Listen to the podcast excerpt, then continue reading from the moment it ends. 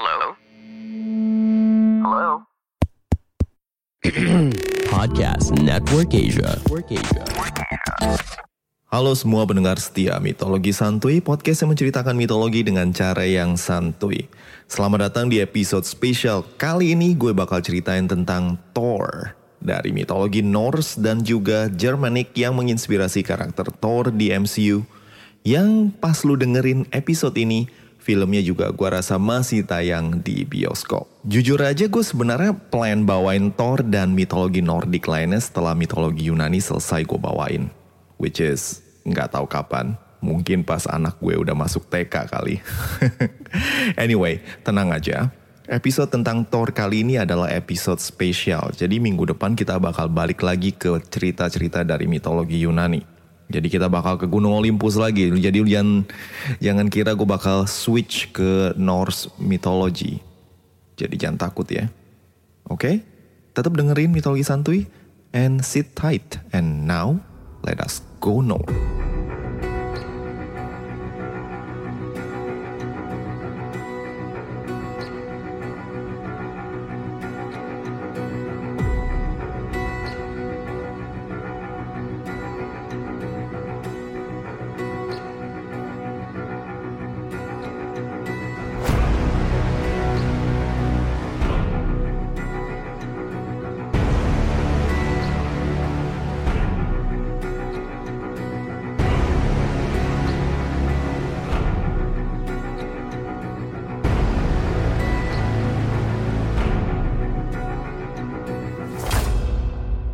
Ketika kita ngebahas tentang Thor, rasanya kita perlu ngebahas sedikit tentang latar belakang dari orang-orang yang menyembah sang dewa petir ini. Mitologi Nordik atau Germanic ini asalnya dari Eropa Utara yang sekarang kita kenal dengan negara-negara kayak Jerman, uh, Belgia, dan juga bangsa-bangsa Skandinavia seperti Denmark, Swedia, Norwegia, dan lain-lain. Suku-suku Jermanik ini menyembah dewa-dewi Nordik yang sama walaupun bahasa mereka berbeda. Odin kadang disebut Woodin, Freya disebut Frigg, dan Thor disebut Tunar tergantung dari suku mana yang mengucapkan. Wednesday atau Rabu berasal dari kata Woodin's Day yang artinya harinya Odin. Thursday, hari Kamis, asalnya dari kata Thursday yang artinya tentu saja harinya Thor. Lalu Friday itu artinya harinya Freya. Semua ini diadopsi ke bahasa Inggris dari bahasa Anglo-Saxon, yaitu suku Jermanik yang migrasi ke Inggris Raya. Dan kemudian bahasanya menjadi dominan walaupun sedikit dengan campuran. Tentu saja nama-nama hari ini berasal dari nama-nama dewa Nordik yang mereka sembah. Nah, sekarang lu bisa pamer kegebetan lu kalau lu agak, you know, cultured, berbudaya. Thor yang lu lihat di film-film Marvel emang terinspirasi dari Thor di Norse mythology. Tapi nggak serta-merta sama. Thor yang di MCU itu ganteng, gagah, agak goofy, tapi selalu berusaha untuk membela kebenaran. Sementara Thor yang di mitologi Norse, well, agak beda. Thor yang ini pemarah, emosian, dan suka berbuat apa pun yang, you know, terserah dia. Well, he does everything that he wants. So, yeah, keep in mind that Thor yang lu denger ini bakalan lebih dark dibanding dengan versi Chris Hemsworth plus Taika Waititi yang rada-rada ceria plus aneh. Semalam gue baru nonton dan filmnya itu jadi film komedi kayaknya. Thor adalah putra Odin, dewa yang paling berkuasa di Norse mythology dengan seorang dewi yang bernama Jord atau Fjordgyn yang artinya bumi. Thor sendiri artinya itu thunder atau Guntur. Jadi kalau misalnya dia lahir di Indonesia kemungkinan namanya Guntur bin Udin alias Thor Odinson. Gak seperti di MCU atau film-film Marvel, Thor bukan kakaknya Loki. Tapi hubungan Thor dan Loki di mitologi Norse ini emang kayak di film-film Marvel di mana Thor yang walaupun lebih kuat dan perkasa sering banget dibully atau dikerjain sama Loki yang licik dan penuh dengan akal-akalan. Thor mewarisi kegagahan Odin dan kekuatannya, tapi tidak kebijaksanaan dan IQ tinggi sang bokap. Akibatnya, Thor sering banget jadi korban keisengan Loki. Salah satu kisah yang melibatkan Loki dan Thor adalah ketika istri Thor, Sif, bukan Jane Foster, mendadak botak. Sif yang terkenal akan kecantikan dan keindahan rambutnya yang kuning emas macam model iklan sampo pentin luar negeri, terkejut gara-gara Thor yang baru bangun tidur ngeliat dia botak, plontos macam Vin Diesel. Thor yang emosian langsung tanpa mikir-mikir dia langsung nuduh Loki.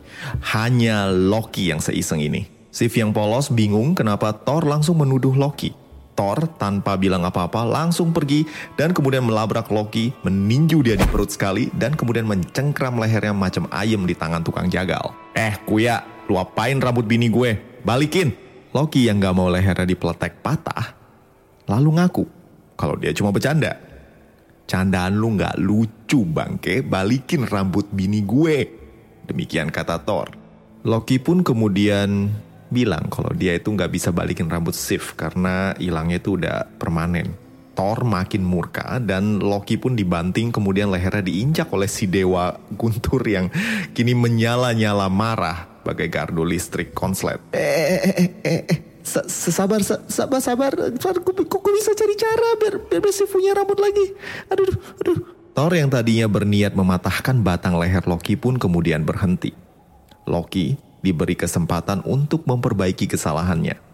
Dan Loki pun kemudian pergi mencari para dwarf atau dalam bahasa Indonesia disebut kurcaci. Para dwarf terkenal akan kemampuan mereka untuk membuat apa pun. Lu mau mereka bikin pedang, panah, panci, keran air, atau apa pun mereka pasti bisa buat. Namun dari semua kurcaci ada dua kelompok yang sama-sama hebat. Satu kelompok adalah putra-putra Ivaldi dan satu kelompok lain adalah dua bersaudara Brock dan Eitri. Loki pertama datang ke putra-putra Ivaldi dan mengatakan kalau di antara para dwarf yang paling jago bikin barang adalah Brock dan Eitri. Tentu saja para putra Ivaldi nggak seneng dan bilang kalau mereka lah yang paling hebat. Loki yang licik kemudian bilang kalau para dewa hendak dibuatkan tiga hadiah dan dia akan meminta Brock dan Eitri untuk mengerjakannya.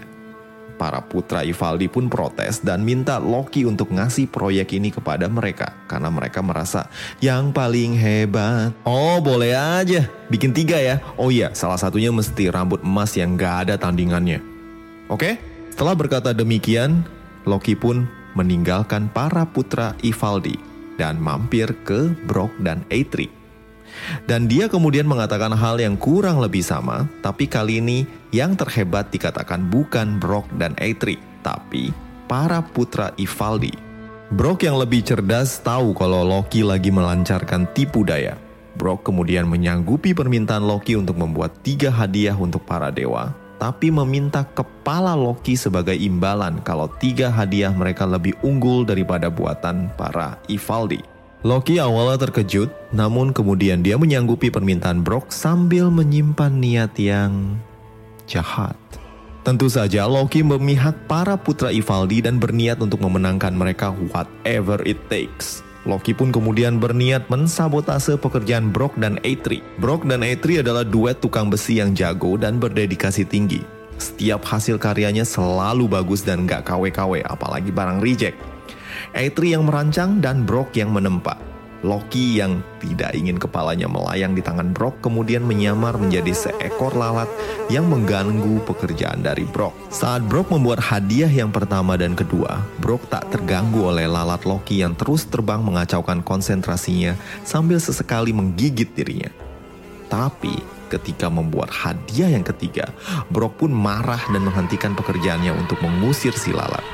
Alhasil hadiah ketiga tidak sesempurna yang pertama dan kedua. Tibalah saat penentuan siapa pemenang kontes hadiah antara putra-putra Ivaldi dan juga Brock plus Itri. Yang jadi juri adalah Odin, Thor, dan juga Frey. Para putra Ivaldi pertama-tama memberikan tombak yang indah dengan kekuatan magis kepada Odin Ke mana pun Odin melempar, pasti akan tepat sasaran. Selain itu, tombak ini bisa menembus apa pun. Untuk Thor, diberikan rambut emas yang indah serta kemilaunya seperti mentari. Thor pun kemudian memberikannya kepada Sif yang dengan gembira memakainya. Thor pun happy ngelihat istrinya nggak botak lagi. Hadiah ketiga dari para putra Ivaldi adalah hadiah yang diberikan kepada Frey. Hadiah ini berbentuk sepotong kain yang ketika dibuka akan menjadi sebuah perahu layar. Nama perahu ini adalah Skidbladnir yang akan selalu berlayar dalam kondisi apa pun. Frey pun senang mendapatkan hadiah seperti ini. Loki tersenyum penuh kemenangan melihat para dewa menyukai pemberian dari para putra Ivaldi. Sementara Brok hanya diam saja sambil membuka hadiah yang pertama. Yang mulia Odin, Draupnir, nama gelang emas ini. Gelang emas ini akan menghasilkan 8 gelang emas yang lain setiap malam yang kesembilan. Tuanku Odin, Anda bisa memberikan ini untuk para pahlawan atau menyimpannya agar Anda semakin kaya. Odin pun mengangguk tanda senang. Yang mulia Frey yang gemilang, kepadamu hamba berikan Gulen Bursti. Babi hutan berambut emas yang lebih cepat dari kuda-kuda mana pun babi ini bisa terbang dan dia nggak bakalan pernah capek. Ke mana pun dia pergi, dia akan selalu membawa terang. Tuanku Frey, Anda akan menerangi dunia dengan babi ini. Frey tampak terkesan, namun masih menimbang apakah perahu atau babi yang terbaik. Tiba saatnya Brok memberikan hadiah yang ketiga. Dan kali ini, penerima hadiah tersebut adalah Thor. Oh Tuan Thor yang mulia, sebelumnya hambamu minta maaf atas ketidaksempurnaan hadiah untuk yang mulia. Karena ada gangguan ketika hamba mengerjakannya. Hadiah ini jadi kurang sempurna. Tapi sebelum Anda marah, mungkin Anda ingin melihat dulu hasil kerja saya. Palu ini adalah Mjolnir, sang pembuat kilat. Palu ini tidak bisa hancur sekuat apa pun Anda pukul, dan palu ini akan selalu tepat sasaran serta bisa kembali ke tangan Anda. Hanya saja gagangnya agak pendek. Ini saja cacatnya. Mata Thor kemudian berbinar-binar dan dia kemudian mengambil palu tersebut. Thor melempar palu tersebut jauh-jauh dan ajaibnya palu tersebut kembali lagi ke tangannya. Oh iya yang mulia, palu ini bisa digedein atau dikecilin sampai bisa masuk ke kantong celana. Tapi ya gagangnya kekecilan. Demikian kata Brooke. Thor tersenyum dan kemudian tertawa. Terbahak-bahak disertai dengan tepuk tangan yang kemudian juga disambut oleh suara guntur yang bersahutan. Reaksi ini amat jarang, mengingat Thor adalah dewa yang rada mudi. Nggak kayak Thor yang di MCU. Brok, gagang kecil tuh nggak masalah. Ini palu bagus punya. Gua suka banget. Palu ini bakal ngelindungin Asgard dari para raksasa es. Kata Thor sambil mengangkat Mjolnir disertai oleh suara Guntur. Tidak hanya Thor, tapi juga Odin dan Frey yang menganggap Mjolnir jauh lebih bagus dari semua pemberian putra Ivaldi hari itu. Loki pun panik ketika Brok meminta kepalanya. Loki berusaha menyogok Brock dengan harta apa pun, tapi Brock hanya ingin kepala Loki yang katanya akan dipakai untuk jadi pajangan atau mainan bersama Eitri. Melihat dirinya dalam posisi yang terjepit, Loki pun kabur.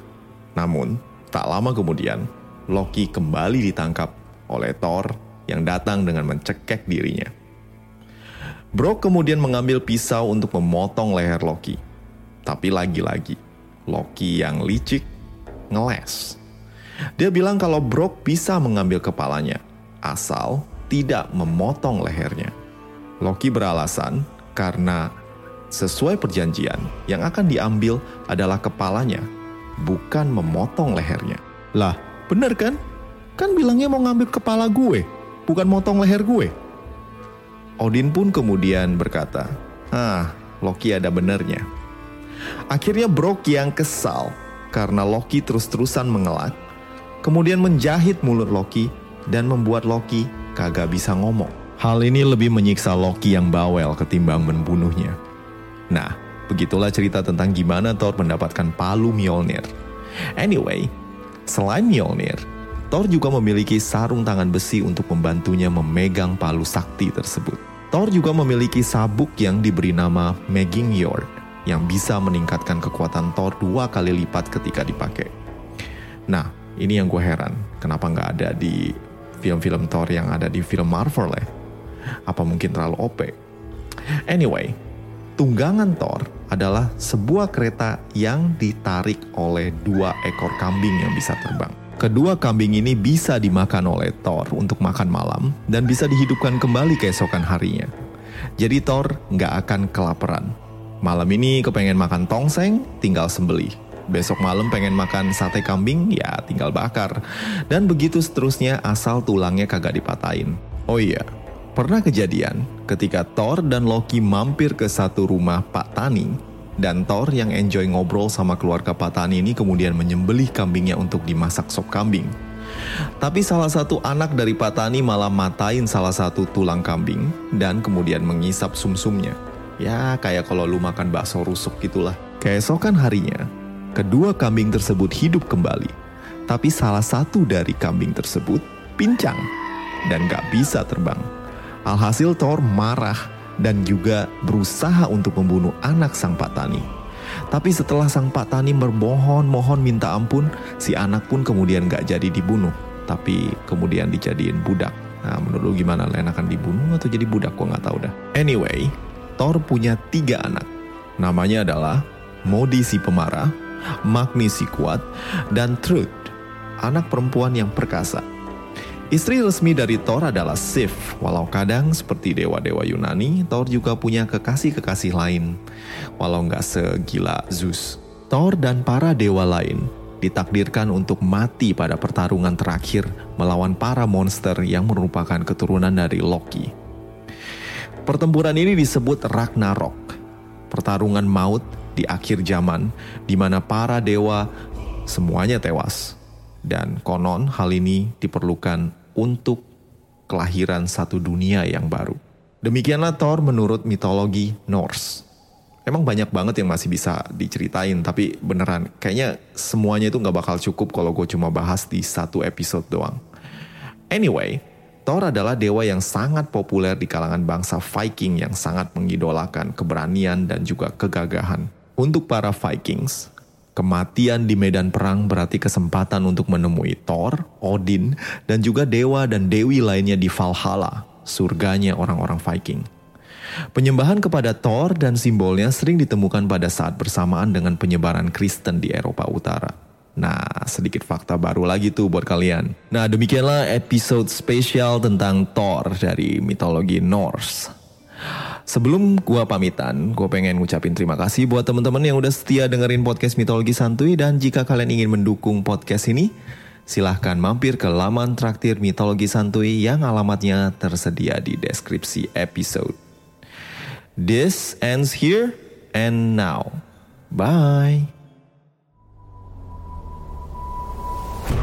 Pandangan dan opini yang disampaikan oleh kreator podcast, host, dan tamu tidak mencerminkan kebijakan resmi dan bagian dari podcast Network Asia. Setiap konten yang disampaikan mereka di dalam podcast adalah opini mereka sendiri dan tidak bermaksud untuk merugikan agama, grup etnik, perkumpulan, organisasi, perusahaan, perorangan, atau siapa pun dan apa pun.